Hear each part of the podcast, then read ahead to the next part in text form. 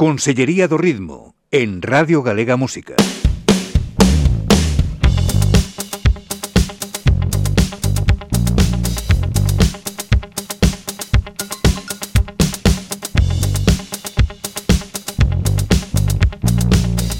Con Tito Lesende.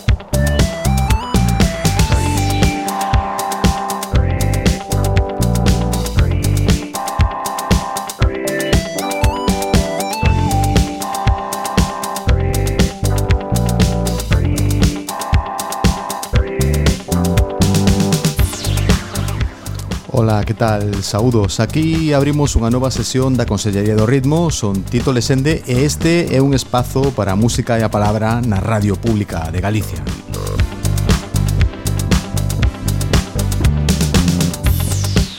Cada semana recibimos nesta consellería a visita dunha persoa importante para a escena pop galega e imos creando tamén un almacén, un repositorio de emisións en formato podcast para facilitar chascoita cando che apeteza. e hoxe pisa estas dependencias un referente e un amigo, Juan de Dios Martín.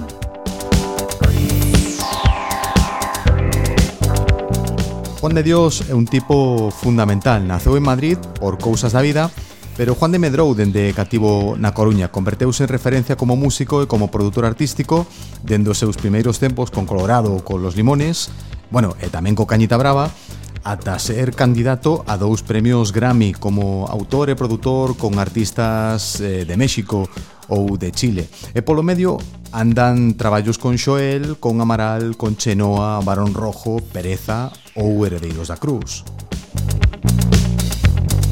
Hai profesionais talentosos, hai non simpáticos e logo está Juan de Dios. Todos necesitamos a un Juan de no noso círculo. Recomendo che quedar nesta sesión da Consellería Ritmo porque Juan de ten tantas anécdotas que estou certo de que imos pasalo ben.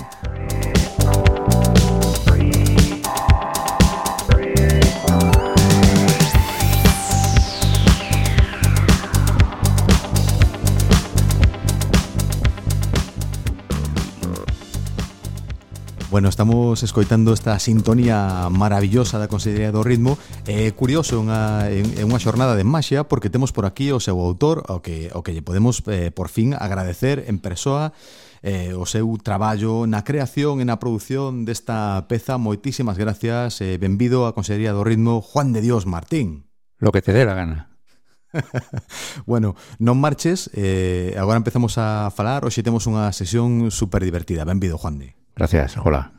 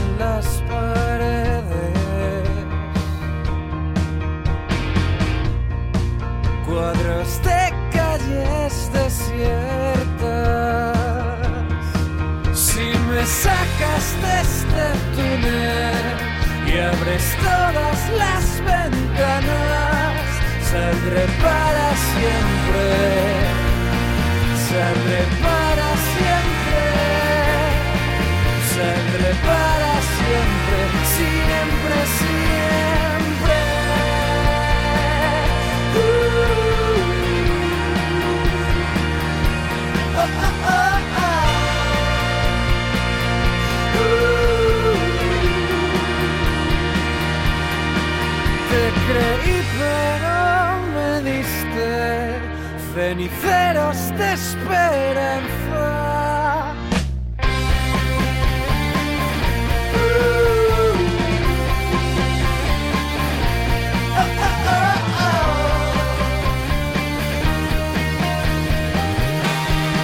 Si me sacas de este túnel Bueno, querido Juan de, moitas gracias por vir, benvido á Consellería do Ritmo. Hola, ¿qué tal? ¿Cómo estás? Bueno, creo que estás a gusto, eh? Tes, eh, temos por aquí, temos biscoito, temos eh, eh, algo de, como se dixéramos, infusión de café sobre un destilado, Eh, non sei se con isto che vale ou crees algunha outra cousa ou estás ben ou... Va bien, va bien, va bien. Bueno, vale, vale, perfecto. Bueno, Juan, estaba facendo memoria eh, eh coñecinte en algún punto dos anos 90 eh, ti andabas cargando co teu teclado polos locais de ensaio da Coruña eh, xa eras coñecido, non, polo que polo que recordo, eh, por ser un tipo pois, pues, como un cerebro da informática, tamén eh, eras moi coñecido porque tiñas unha tecla de aplausos programados no teclado, que oh, grandes clásicos. Eh? Bueno, pero eh, supoño que esa paixón túa pola, pola música, polos traballos electrónicos venden de máis atrás, non? Teño entendido que ti, cando eras cativo, tiñas un tocadiscos na casa e que xogabas a desmontalo. Recuerdo tener de pequeño eh, como esa curiosidad de, de desmontar las cosas Uh -huh. para, para ver cómo funcionaban y luego, claro, descubrir que no, luego no sabía montarlas de vuelta. Con lo Ajá. cual la vida era eh, corta de estos cacharros. Pero sí, yo, yo creo que, que, que fue un poco todo porque por un lado era la música y por otro lado era la informática también, ¿no? Entonces, en algún momento como que se juntaron las dos y era cuando yo tenía el Spectrum y, y- y quería hacer sonidos con eso y cuando tuve mi primer teclado poder empezar a secuenciar y hacer cosas con el con el ordenador cuando tenías que pedir el programa a Holanda piratón porque no, no lo encontrabas en ningún lado y ni había o sea era todo como bastante arcaico todo ¿no? Uh -huh.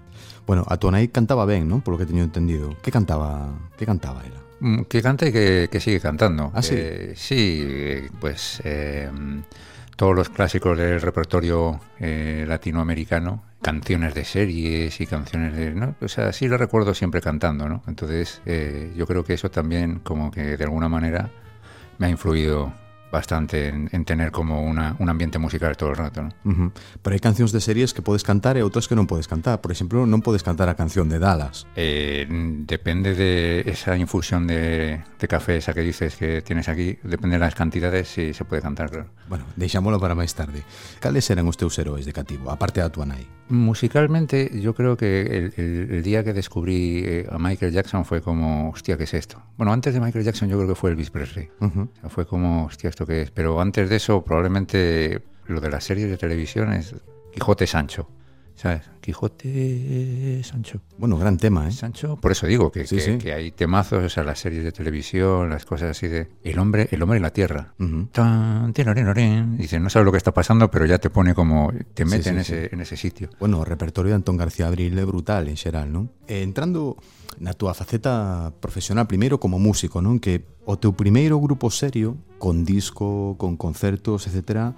Penso que foi Colorado, non? Foi aí na, na primeira metade dos anos 90 probablemente, non? Sí, sí, yo entré en Colorado en, en el 92 Que Que, que anos tiñas ti daquela? Yo 15, 16 años. Uh -huh. Estaba en una tienda de música eh, tocando y me vino alguien diciendo, oye, toca, sí, sí, eh, mm, ¿tienes banda? No, pues estaban buscando mi primo, no me, no me acuerdo quién era. Es- Está buscando teclista para Colorado y resulta que Colorado era la banda que le gustaba a mi tío porque lo había visto en el noroeste un par de años antes y claro, yo de repente era como, eh, voy a entrar a la banda que, que le gusta a mi tío, ¿sabes? Como, y era pues eso, música country que, que de repente era como, ah, vale, guay, a ver, a ver qué es esto, ¿no?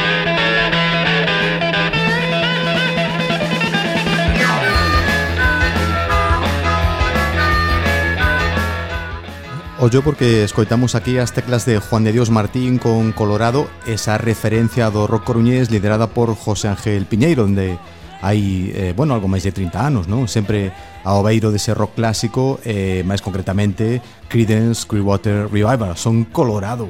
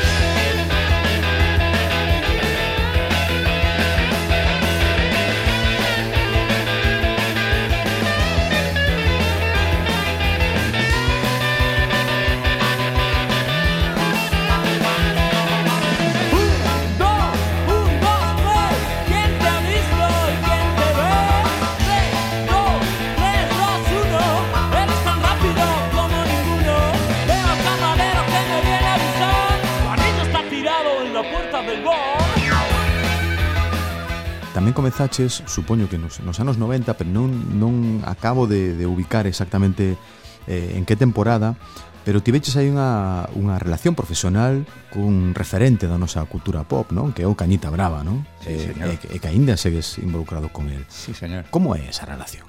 Esto es no, eh, justo en la época de, del semáforo, uh -huh.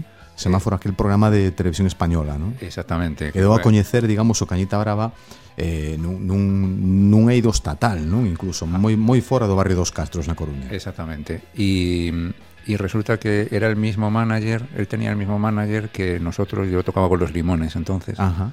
Yo no veía la tele, pero claro, era imposible no haber oído de él Y un día llego al local de ensayo y me lo encuentro. Y, y estaban allí probando cosas con él y tal. Y, y, claro, me entero de que teníamos, pues eso, el manager en común y que le estaban montando para, para preparar los conciertos después del semáforo. ¿sabes? y, y claro, y, la pregunta en plan de, ¿te apuntas? Y yo digo, como, como, claro, que- claro que me apunto, ¿no? Claro que- en uno de estos ensayos que íbamos a hacer, eh, teníamos el equipo en el local desmontado y dije, bueno, pues como es una guitarra y un teclado, a la guitarra estaba mi colega Jaime, que luego hablaremos de él.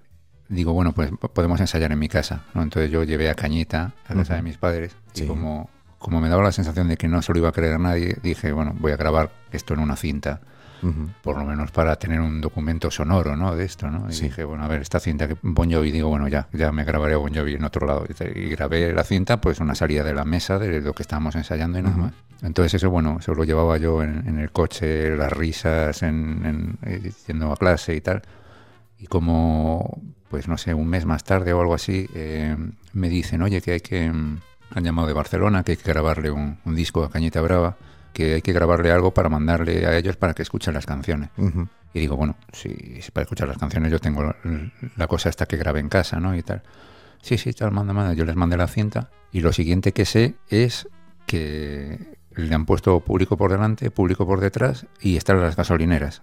O sea que la cinta esa de Cañeta Brava eh, que había en las gasolineras entonces está grabada en mi casa y soy yo tocando y, y soltando burradas por detrás, ¿sabes? Como...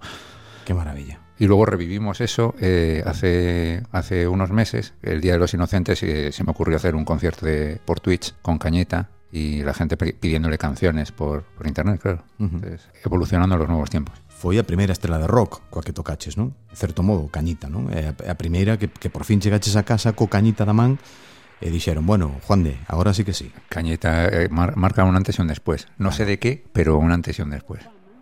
La creación de Cañita Brava, por eso me llaman Cañita Brava por la canción.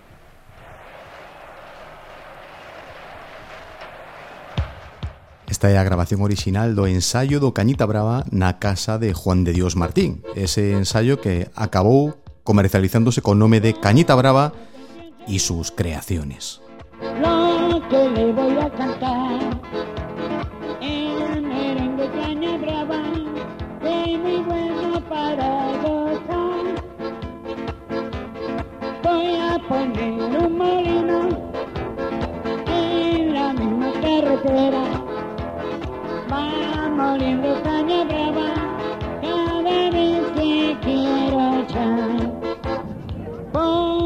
atención señores lo que le voy a cantar. El merengue caña brava, que es muy buena para gozar. Voy a poner un molino en la misma carretera. Va moliendo caña brava cada vez que quiero echar.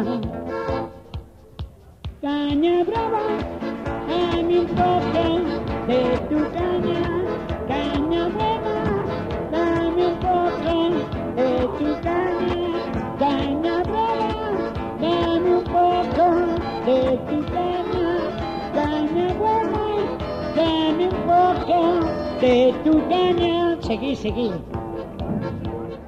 Por ali, a finais do século XX, eh, andabas tocando con Santi Santos e los Limones, como, como dicías, aí saía xa de, de xira con frecuencia fora de Galicia, non? Eh, supoño que aí descubriches tamén outro mundo, novas experiencias, non? Tocando con los Limones. Justo antes de eso sí había tenido un, un pequeño paréntesis también con em, eh, Incursión Folk, con, con Brad y con Cristina Pato, y, y- y ahí sí que salíamos también fuera. Con Tete Delgado también salíamos fuera, Ujú. pero sí que fue con Limones que era como más común, ¿no? Y aparte era como una banda conocida eh, a nivel estatal y sí que como que eh, vas como abriendo terreno también, ¿no? O sea, de- de- conoces a gente, cosas, eh, y como que te da otra perspectiva también, ¿no? Aí con, con eh, dentro desta experiencia con los limones foi eh, daquela a primeira vez que ti pensaches en marchar de Galicia establecerte noutro sitio para poder se cadra subir un chanzo no, na túa carreira profesional. Pues justo después de, de terminar el, el directo de los limones, que dije, bueno, me, me marcho unos días a Madrid y acabé 11 años allí, ¿no? Pero o sea, es este tipo de decisiones que dices, venga, va.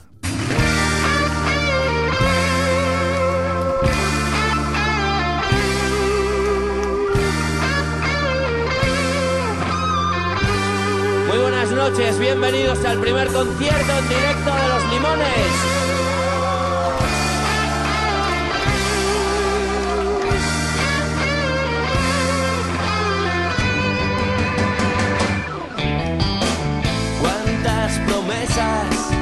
Con el tiempo han fracasado y ahora nos vemos los dos sin la menor ilusión, no queda nada de ese amor. ¿Dónde has estado? ¿A quién cogiste de la mano? ¿En qué pensabas ayer cuando te dije después que no importaba nada y quién? ¿Qué fue de ti? ¿Quién ha cambiado? ¿Es la rutina o será mucho tiempo el que llevo a tu lado? ¿Qué fue de ti? ¿Quién ha cambiado? ¿Es la rutina o será mucho tiempo el que llevo a tu lado? ¿En qué has pensado desde que me has abandonado? Queda un recuerdo de ti, pues todo llega a su fin, los buenos tiempos ya se han acabado. ¿Qué me has mandado? Con esa carta has terminado. Ya no te puedo escribir, no me apetece salir, es mejor que jamás nos veamos. ¿Qué fue de ti? ¿Quién ha cambiado? ¿Es la rutina o será mucho tiempo el que llevo a tu lado?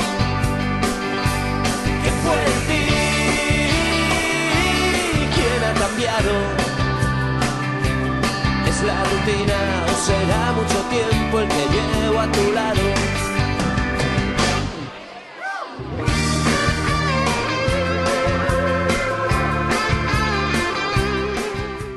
o directo de Los Limones, banda tremenda aí, eh, con Santi Santos a fronte como é natural e tamén con ese gran guitarrista Juanito Naya na guitarra, con Juan de Dios no teclado, con Landi no baixo, con Iván na batería, Los Limones, que momento máxico tamén, eh.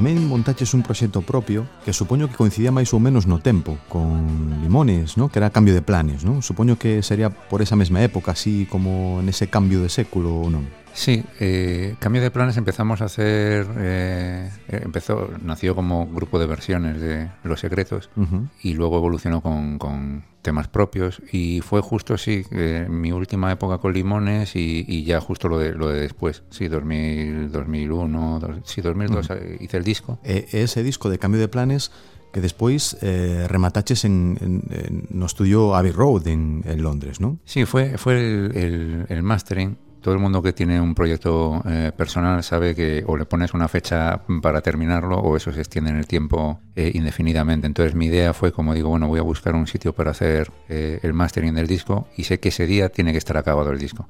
Entonces dije, bueno, me puse a ver estudios y opciones y dije, hostia, Abbey Road, esto me lo van a hacer bien, técnicamente va a ser la hostia y tal, pero además tiene el añadido de que voy a poder estar allí y voy a poder entrar sin que me, sin que me echen a la calle, ¿sabes? Y decir, hostia, voy a poder ver eso por dentro y no, no, espera que estoy aquí, eh, vengo a, a- a trabajar, ¿no? Y el ingeniero que me hizo el mastering de eso eh, había, había hecho los remasters de cosas de John Lennon, del disco aquel de, de McCartney, el, el Run de Run, que luego después este acabó eh, eh, dirigiendo a todo el equipo de, de mastering para los remasters de los Beatles años luego más tarde y tal. O sea que era como, hostia, estoy aquí, ¿sabes? Viendo.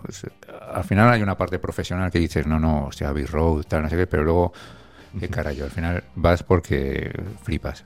Bueno, estou convencido de que todas as persoas que traballamos no ámbito musical antes que nada somos melómanos, non? Cando chegamos dende, dende a vocación. E ti es un melómano, penso eu, moi atento, non? E, e aparte, durante moitos anos, eh, estiveches asistindo a concertos de grandes estrelas para conseguir o seu autógrafo. Supoño, penso que tes unha guitarra eh, chea de sinaturas de xente como Jimmy Page ou Aerosmith, Sissy Top, etc. Unha guitarra ou, ou probablemente máis, non? Non sei se... Si... Iso ten que valer millóns, non? Por iso non damos o teu, o teu enderezo postal para que non te atraquen Bueno, si, si consiguen venderla, podemos ir a un a un 50-50, ¿sabes? O sea, podemos hacer negocio. Bueno, el primero de todo, cuando fue el concierto aquel de los mil años, en el 93, Ujú. que fue que dije, hostia, pues tengo la guitarra aquí en casa y tal, y, y- y empecé a, a coleccionar firmas, ¿no? De- con gente y tal, pero era también un poco, no tanto por tener la firma como por tener una excusa para poder acercarme y decir, oye, Claro. gracias, ¿no? ¿Sabes? O, o- o lo que me saliera, ¿sabes? Porque en realidad no, no tienes tampoco muchas palabras, tampoco como para, ¿sabes? Como- Claro. Pero bueno, estar, estar aí como cerca desa aura, non? Eh, Contanos algo divertido que che pasara nesa faceta túa de caza autógrafos. La clásica así gorda de esas fue el día que queríamos ir a ver a Easy Dizzy, eh, año 96, eh, en la Plaza de Toros de las Ventas en Madrid. Tres conciertos, tres conciertos todo vendido y no sabíamos cómo conseguir entradas o ir al concierto. O sea, yo, claro, en el 96 yo tenía 20 años Ajá. y se me ocurrió eh, decir, bueno, vamos a ir con dos botellas de albariño y dos empanadas. A ver si a ver si les ablandamos ahí un poco el, el corazón, ¿no? Y, y Sí. nos fuimos mi hermano, unos colegas y, y yo, eh, encargamos las empanadas. eh, el- después, justo después del concierto, empezábamos con conciertos con limones eh, y era el primer concierto de la temporada. O sea que no podíamos estar allí, ¿sabes? Como a ver qué pasaba. Era como ir y volver, era como una operación de estas de comando, de no, Sí. no, tal, a tal hora, tal sitio, ¿no? Total, que encargamos las empanadas y fuimos por la mañana, el día que nos íbamos a recogerlas a las 7 de la mañana, una cosa así. Sí. Y yo había encargado las empanadas que, que pusieran vendidos a CDC. y claro, cuando voy a por las empanadas me habían puesto hasta el rayito y todo. ¿Sabes? Ahí como... tenía que haber hecho una foto a la empanada. ¿no? Bueno, el caso es que fuimos allí eh, y nos fuimos al hotel donde, donde supuestamente estaban ellos, que bueno, generalmente solían estar allí, pero era un poco ensayo y error, ¿sabes? O sea, Sí. era como... Y estuvimos esperando y al final pues apareció Angus, ¿no? Y ya eh, fuimos ahí, la saltamos allí con las empanadas y no, mira, tal, no sé qué, venimos de, de Galicia, que es aquí, está a 600 kilómetros de aquí y tal, y traemos como los típicos, ¿no? De allí, ¿no? Y tal, y mira, tenemos dos botellas de vino, eh, y Angus que dice, no, bueno, es, es, que yo no bebo, y digo, bueno, pues dáselas a, a Brian Johnson, que seguro que sabe qué hacer con ellas. También traemos un plato típico de allí, que es una empanada y tal, y claro, yo digo, ¿cómo le digo que es una empanada en inglés, no? Y, mm. y claro, venía como tapada y empieza el, eh, un pizza y, y yo digo, bueno, pues no sé, yo la abro y según la abro, salta la, la mujer de Angus que andaba por allí. ¡Oh, empanada! ¡Empanada! Y digo, hostia. ¿Y que de qué era? Y digo, bueno, uno es de atún y otro es de bacalao. Y digo, ¿cómo le digo bacalao en inglés? ¿Cómo se dice bacalao? Y digo, bacalao. ¡Oh, un bacalao! ¡Bacalao! Y, digo, y de repente resulta que era uno de los platos favoritos de Angus que uh -huh. ella le hacía empanadas eh, de cuando en cuando y tal, y, uh -huh. y, nada. Y entonces fue como, vais a ir al concierto, bueno, no tenemos entradas, tal, no sé qué, ah, sí, sí, pues los nombres, tal, no sé cuánto. Y al final conseguimos entradas para ir al concierto. ¿sabes? Qué guay, qué guay.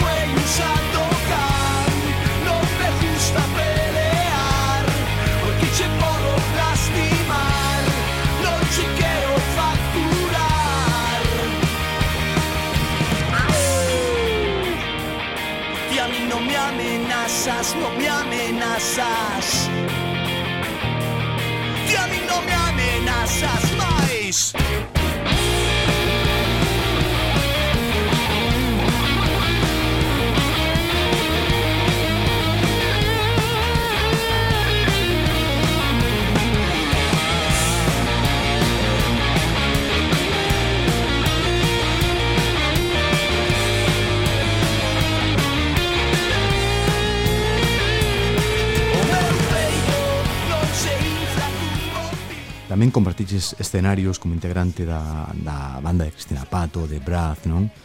Ou grabando no estudio con Herederos da Cruz tamén, non? Con Budiño e con Deluxe, non? Ese proxecto artístico de, de Xoel López con, con Xoel tes unha historia extensa e intensa, produciches varios dos seus discos máis importantes, non? Eh, os últimos de Deluxe, o primeiro como Xoel López, ese maravilloso Atlántico, tocaches con el en moitísimos escenarios durante anos. Eu cheguei a verte eh, en moitos sitios, pero tamén en Alemanha incluso, supoño que tocarías en, en moitos máis países, pero realmente a túa, a túa experiencia con Xoel E a, a primeira foi imitando os Beatles en Lluvia de Estrellas, non? Ese, ese programa de Antena 3 que presentaba eh, Bertín Osborne, non? Que dirixía Bertín Osborne. Eh, foi a túa primeira experiencia con Xoeles, ou non? Es así, es así. O sea, nos, nos conocíamos de antes, pero fue ahí donde empezamos como a, a congeniar, ¿no? Ajá. Normal, normal, ¿no? O sea, que, que, pues, cuatro, cuatro señores, cuatro personas adultas que van a, a un programa de televisión a porque, hacer de los Beatles. Porque eras ti, eh, eh, estaba también Joel. Sí, Chema Ríos. Y Jaime del Río, que era el que tocaba conmigo con Cañeta, amigo también de toda la vida, por eso decía que Claro. íbamos a hablar. Eh, como foi? Decidichedes eh, presentarvos a un concurso de talentos de imitadores, non? Para imitar os Beatles diante de Bertín Osborne. Quero dicir que pasan os anos eh, é difícil a facerse iso. eh. De esto hace, este año va a hacer 25 años. Ajá. Y todo empezó con una llamada de teléfono de Chema, línea telefónica analógica de toda la vida, de llamada a la hora internacional, 3 de la tarde, la hora de comer, que es donde todo el mundo está en casa, o estaba. Y oye, que, que he pensado que podíamos ir a, a lo del programa este de, de lluvia de estrellas y tal, a hacer de los Beatles. Y me dice, no, sí, este, este chico Joel, tal, em, puedo hacer de John Lennon y tal. Y, y digo, vale, pero ¿yo qué quieres que, que haga? Pues Yo soy teclista, yo no tal. Me dice, no, es que te pareces a Ringo Starr. Y digo, bueno, pues, pues vale, pues, no voy a ser yo quien te lo niegue, ¿no? O sea, y conoces a alguien que, que pueda hacer de Paul y que, o sea, que cante y que pueda tocar el, bajo, ¿sabes? Así como zurdo, así, bueno, como era en playback y todo eso, pues era como un poco dar un poco el, el pego, ¿no? Y le dije, no, sí, mi, mi amigo Jaime canta guay y tal. Y de buenas a primeras nos encontramos en, en- en unos castings y era todo como claro. Yo, yo para mí, que yo ni, ni me dedicaba a tocar la batería, ni me dedicaba a hacer versiones de los Beatles de, como Ringo Starr, ni nada. O sea, porque mucha de la gente que iba a, a este, a estos programas era pues porque parte de su vida era eso, ¿no? Sí, o por, sí. por vocación o, claro. profesionalmente, ¿no? Sí, sí, sí. Y a nosotros es que nos daba igual todo. Pues eso, claro, nos íbamos de, de cachondeo allí, ¿no? ¿Sabes? Un poco en plan de, bueno, pues vamos a salir de los Beatles. Lo que pasa es que, claro, en el, en el jurado estaba Joaquín Luqui. y entonces, claro, eh, eh, con la tontería llegamos a semifinales con eso. Entonces, claro, era como que teníamos que volver y, y todo, o sea, y era como, bueno, pues, va, venga, pues fiesta.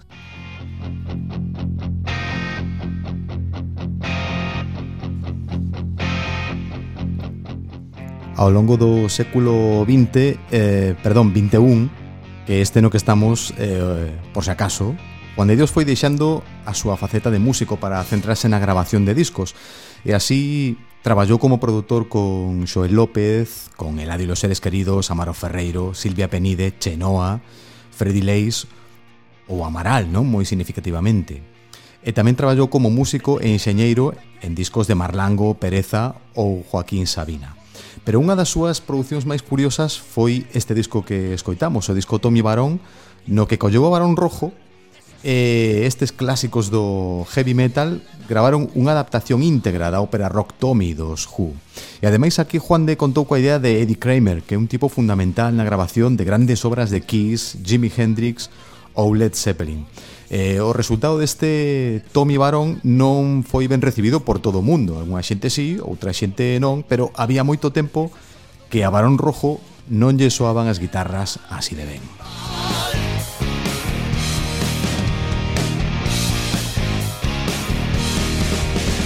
el rey del pinball, pero esto ha de cambiar. El rey del pinball, su muñeca es sin igual. ¿Cómo lo logrará? ¿Qué le hace especial? No hay nada que le altere al no oír ruido sonar.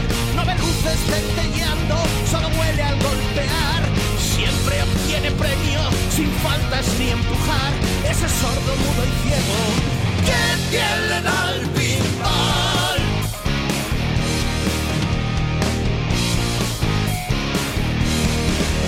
Yo creía ser monarca sin rival y he de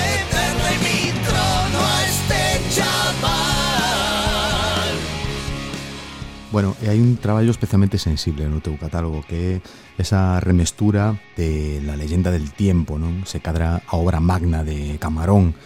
Hai uns anos encargáronche actualizar a, a mestura do disco e a min pareceume como se un pintor lle encargaran a restauración da Capela Sixtina, non? Eh, en Roma. Eh, Camarón é un santo tamén, en certo modo. Bueno, Camarón é un santo. Eh, e imagino que sería un tema sensible, non, para ti? Eh, sí, se pusieron en contacto conmigo para, para hacer la, la remezcla y fue como, hostias, qué guay por un lado y al mismo tiempo qué responsabilidad por el otro, ¿no? Es como una obra eh, maestra que técnicamente en su día pues la hicieron como pudieron, ¿no? Entonces, Claro, claro. ¿cómo te enfrentas a, a una restauración así? ¿Sabes? Es decir, bueno, eh, la lógica un poco de decir, bueno, si ellos hubieran tenido los medios o, el conocimiento para hacerlo en, en- aquella época, como se podía haber hecho en aquella época, ¿qué habrían hecho? ¿no? O sea, y al mismo tiempo respetando todas las decisiones creativas y, artísticas o técnicas o lo que sea que se habían hecho en ese momento, ¿no? Entonces es, un poco como, como un puzzle, ¿no? Eh, lo que hice fue básicamente sacar más a Camarón, ¿no? Decir, bueno, pues estaba enterrado allí que parecía que estaba cantando en un cuarto de baño y ahora se le oye, ¿no? Y entonces eh, como que se aprecian otros detalles y otros tal, pero todo con las mismas decisiones de, bueno, también ha ayudado a haber escuchado el disco antes, ¿no? O sea, y haberlo digerido, ¿no? Entonces, Sí, interiorizado, non? A voz de Camarón ten máis presenza na, na nova mestura, escoitese mellor os matices, non, da groxa de Camarón. sí, sí, o sea, que tiene un poco más de, de- de- eh, es como más visceral ahora.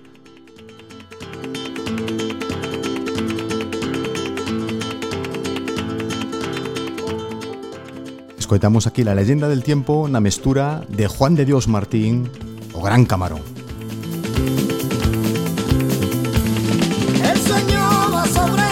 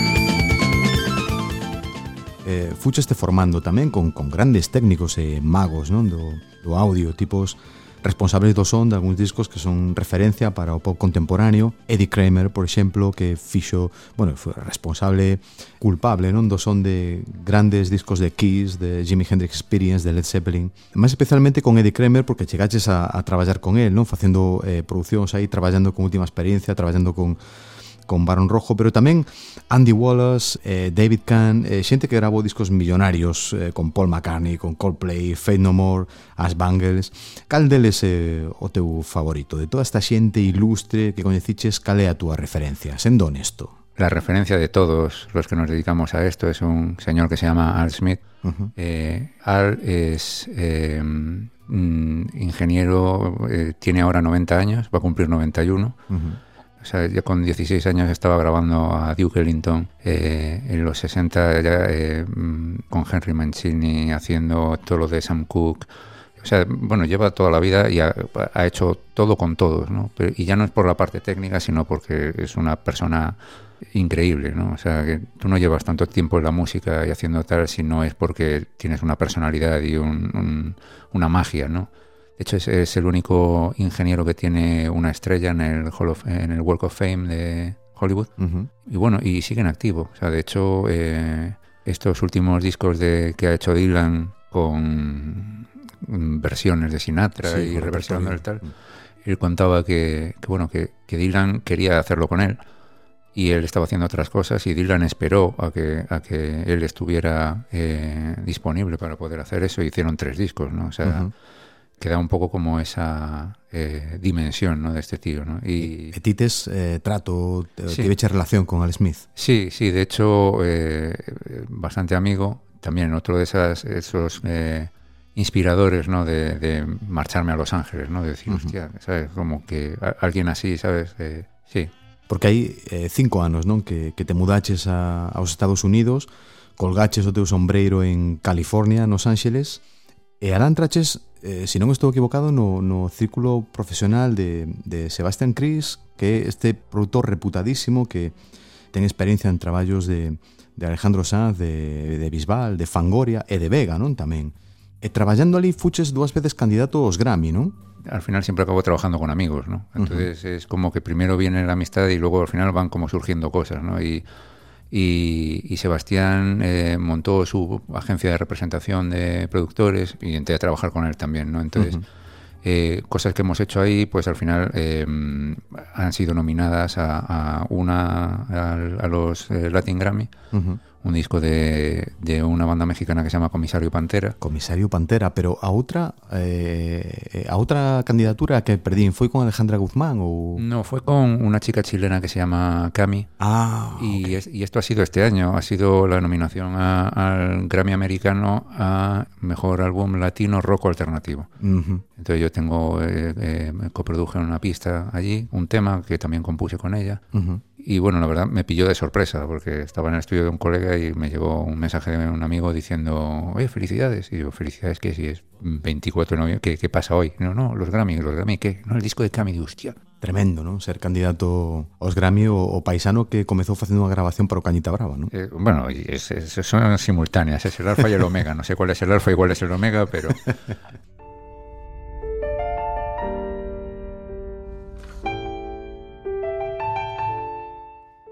Esta peza chamase La despedida.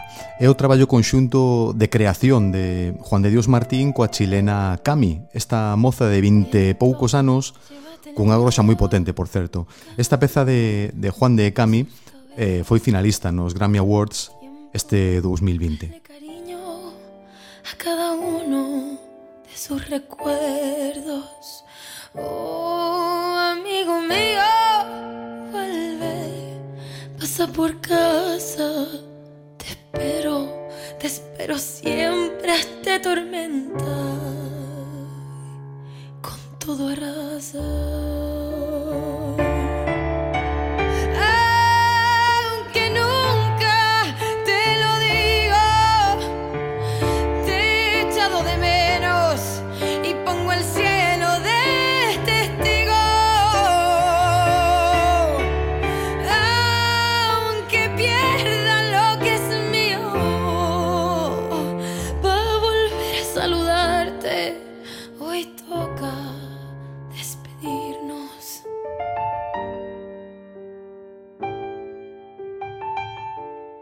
fixeches unha presentación dos Grammy un ano, non? Contábasme un día que fixeras unha presentación que fixeras como a voz en off, non? Ou a presentación da cerimonia dos Latin Grammy, non? Sí, eso, eso fue también totalmente random de estas cosas que pasan de cuando en cuando, que eh, estábamos en Las Vegas, yo estaba estaba yo esperando para que empezara y miro para un lado y veo a este es Ga- Gabriel Avaroa, que es el, el presidente de la Academia Latina de Grabación. Sí. haciéndome así con la mano, como, eh, ven, ven para acá. Y, y yo mirando, digo, yo, sí, sí, sí, ven, ven, tal. Total, que me acerco y me dice, mira, este es fulano, tal, vete con él y abre la gala. Digo, como que, como que abre la gala. Bueno, tenemos, tenemos eh, en, en episodios anteriores, eh, mm, por la voz que tengo y todo eso, siempre como me llamaba la voz de Dios, ¿no? Entonces, yo creo que me debió ver allí y, y dijo, no, no, va, va. Y entonces lo siguiente que recuerdo es tener un papel en la mano, un micro en la otra y venga ya. Eh, señoras y señores, con ustedes, ¿sabes? Como que el presidente de la Academia Latina de Grabación, no sé qué. Y digo, hostia, o sea, como estas cosas que dices, hostia, se lo cuento a alguien y no, no, no se lo cree, ¿sabes? Como por, por random, no por sí, sí, pues sí, no pueda pasar, claro. pero como... Claro, claro. Por alá en California contactaches con máis galegos? Hai máis xente eh, galega por alá no sector da música? Hai, mi amigo Dire, de aquí de Coruña, eh, fue el que, el que se fue primero para allá, ¿no? Y, y luego eh, Diré guitarrista, ¿no? Dire, guitarrista. em, Que Diré traballa tamén tocando a guitarra en, en combos televisivos, non? Ou algo de estilo, te facendo traballo de estudio tamén. Estuvo, estuvo grabando allí con un montón de gente y ahora eh, está más metido en el mundo del voiceover. Eh, bueno, doblaje. Y se, me va, se me va la palabra. Pues él se fue hace, ¿qué? Pues igual 20 años, una cosa así. Y yo cuando fui, empecé a ir allí para, eh, para hacer cosas y pues reconectamos. Y ese es como, pues claro, Coruña, ¿no? Claro, y de Sí, sí, repente sí, ir por allí, claro. por las autopistas, allí contándonos nuestras tonterías de aquí, ¿no? O sea, es como... Claro, claro. Eh, pero luego resulta que eh, mm, eh, está eh, Carlos Rodgarman, que es de Vila García, que es mano, mano derecha de Humberto Gatica Ajá. y, y productor, se ha montado su estudio, y Arturo Solar, que es de Santiago. La comunidad española allí en, Los Ángeles está como bastante dispersa, ¿no? Hay como una comunidad, te vas conociendo, ¿no? Con Sí, gente, ¿no? Pero, sí. Claro, moitos pensamos que é habitual cando traballas nunha, nunha, nun lugar como ese, nunha capital do, do ocio non e, e, do, e do entretemento profesional, como pode ser LA, eh, atopar xente famosa constantemente. Sí, es, es, es surrealista, porque claro, al fin y al cabo es como, pues yo qué sé, es como si aquí en Coruña te encuentras a Galloso y dices, pues claro, vive aquí, claro. es de aquí, es, es normal que te encuentres a, pues, a Galloso, sí, pero... Sí, claro pero claro, allí es como es lo mismo, pero a nivel planetario, ¿no? Entonces, eh, de repente, É, é dicir, por debaixo de, de Galloso. por pero- debajo de Galloso, que Claro. Galloso está por encima del bien y del mal, ya. obviamente. Y, y entonces, claro, o sea, yo qué sé, encontrarte con Eddie Van Hill en, en- en el supermercado, o bueno, el día que me encontré, eh, estábamos esperando, eh, me habían llamado unos amigos para, para ir a cenar algo con un amigo de Colombia que venía de visita. Entonces fuimos a una pizzería eh, en Hollywood, eh, como apartadita, pequeñita, así de este tipo, así eh, sitio, así como rústico, vamos a llamarle, Sí. ¿no? O sea, nada así mm, fashion ni nada, ¿no? O sea, normal, el sitio de que lo conoces y, ay, este sitio mola, ¿no? Sí. Y estábamos esperando por, por nuestro colega y yo estaba sentado así como contra la pared, que se veía como la puerta de entrada y miro para la puerta de entrada y, y- y digo, coño, Steven Tyler. Y veo a, a Steven Tyler allí, vestido de Steven Tyler, esperando Steven Tyler, o cantante de Aerosmith, ese mismo. estaba na pizzería. Estaba allí esperando y digo, bueno, igual el tío vive por aquí al lado, eh, eh, a lo mejor está esperando sus pizzas, ¿sabes? Y dices, bueno, Sí, o sea, claro. te, te resulta chocante, pero Sí. dices, bueno, dentro de lo que cabe. Total, que bueno, yo, pues, eh, a mi bola también, o sea, y, y cuando, cuando me quiero dar cuenta, o sea, debía estar viendo el teléfono yo o algo, lo que sea, y cuando me quiero dar cuenta, veo que está hablando con el marido de mi colega que estaba sentado enfrente de mí, ¿no? Eh, y digo, bueno, este chico es productor, Sí. es de aquí, claro, pues normal que se conozcan. Sí, sí, Total, que se presenta a todos los de la mesa, que éramos cinco. Ah, no, Steven Tyler. Digo, no, si ya sé quién eres. ¿Qué tal? ¿Cómo? Eh, y me puedo sentar y mm, sí, claro. pues, eh, pues, y se sienta con nosotros y total que se tira pues como 10 minutos o una cosa así, entre que estaba eh, esperando por sus cosas y tal, que, que bueno, que vivía al lado, que se había comprado esa casa cuando lo del el, el American Idol, que la vio y que se enamoró de esa casa y que vivía al, al lado. Luego resulta que mi, mi colega eh, es, eh, no sé si se dice yogini, ¿sabes? Como que tiene así como una pinta así como vestida de blanco, con un montón de anillos y... Ajá. Y entonces empezaron como a, ah, mira qué anillo, cómo mola, mira yo el que tengo, tal, no sé qué, o sea, todo como súper... Total que bueno, pues al final se va y cuando, cuando me quiero dar cuenta, resulta que no conocía a nadie en, en la mesa. El tío se puso a hablar con este y pues, se sentó con nosotros. O sea, no, no, no era amigo de nadie.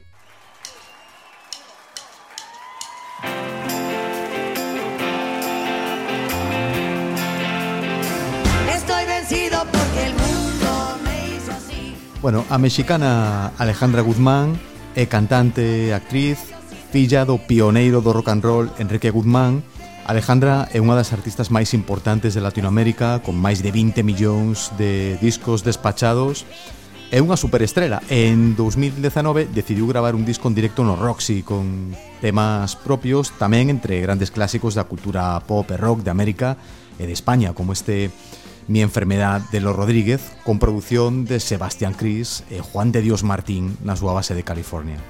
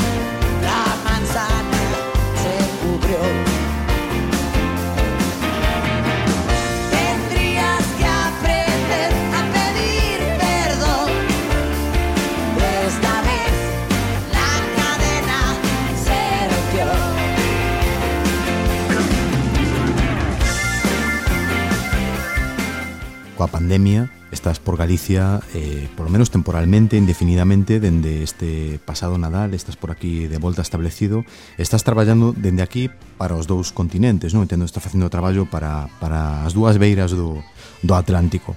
Estás activo na túa canle de YouTube, temos que comentar, tamén estás activo, tamén tes unha, un perfil, unha conta en Twitch, Como, como podemos localizarte? Tamén en Instagram? Como, como pode a xente seguir a, eh, a evolución profesional de Juan de Dios Martín? Eh, bueno, sí, bueno, todo esto de YouTube y de Twitch es, es un, un proyecto al que llevo dándole eh, tiempo eh, vueltas, que es Juan de Visión, eh, si no podía ser de otra manera, eh, y, y es un poco como una necesidad de, de compartir eh, experiencias y conocimientos con, con la gente que quiera escucharlos, ¿no? O sea, eh, aprovechando pues todas las tecnologías que hay ahora, ¿no? Decir, bueno, pues poder hacer cosas en directo y que haya como una in- interactividad para, para que la gente pueda preguntar cosas o simplemente pues pasar un rato, ¿no? Y, y bueno, se me puede buscar por Juan de Visión en cualquier lado, básicamente. Mi página web es juandedios.es, pero bueno, desde Juan de Visión probablemente ya te redirijan allí también en un momento dado.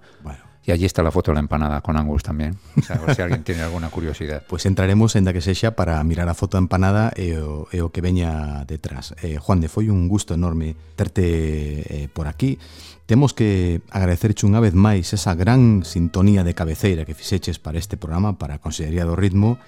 Eh, tío, que sigan os éxitos en Galicia, con artistas galegos ou de fora de Galicia, no planeta enteiro, e que sigamos en contacto para que nos lo contes. Por favor, muchas gracias y gracias a ti por traerme aquí a, a la Consellería do Ritmo.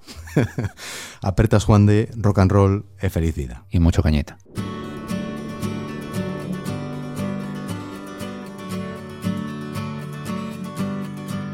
Dicen norte y tiro al sur. Quieren sombra y busco luz. Yo me muevo tierra de nadie. Bueno, Juan de Falou eh, foi un privilexio telo por aquí na Consellería do Ritmo. Juan de, Juan de Dios Martín, nacido casualmente en Madrid, pero cónsul galego en ambas as beiras do Atlántico.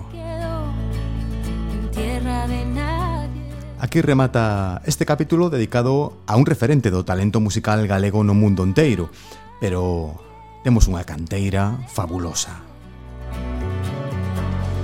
Estamos unidos polo ritmo, agora pechamos portas e ventás desta consellería, pero regresamos a vindeira semana no mesmo sitio, o mesmo día, á mesma hora, cunha nova sesión.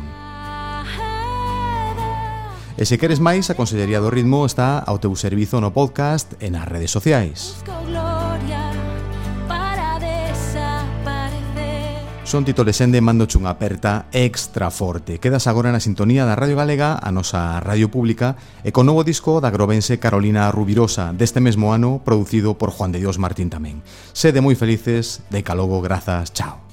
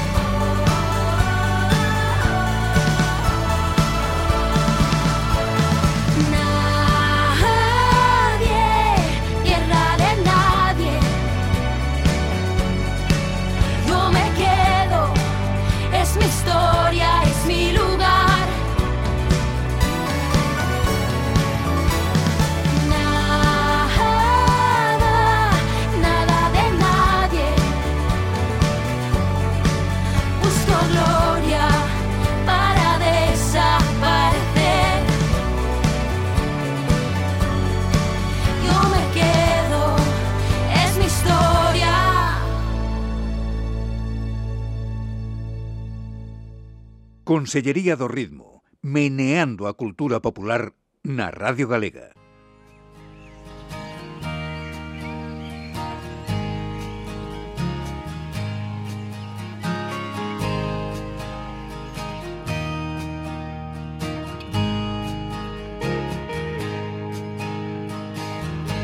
estaríamos juntos todo el tiempo hasta quedarnos sin aliento y comernos el mundo, vaya ilusos. Y volver a casa en año nuevo. pero todo acabó y lo de menos buscar una forma de entenderlo. Yo solía pensar que la vida es un juego. Y la pura verdad es que aún lo creo. Y ahora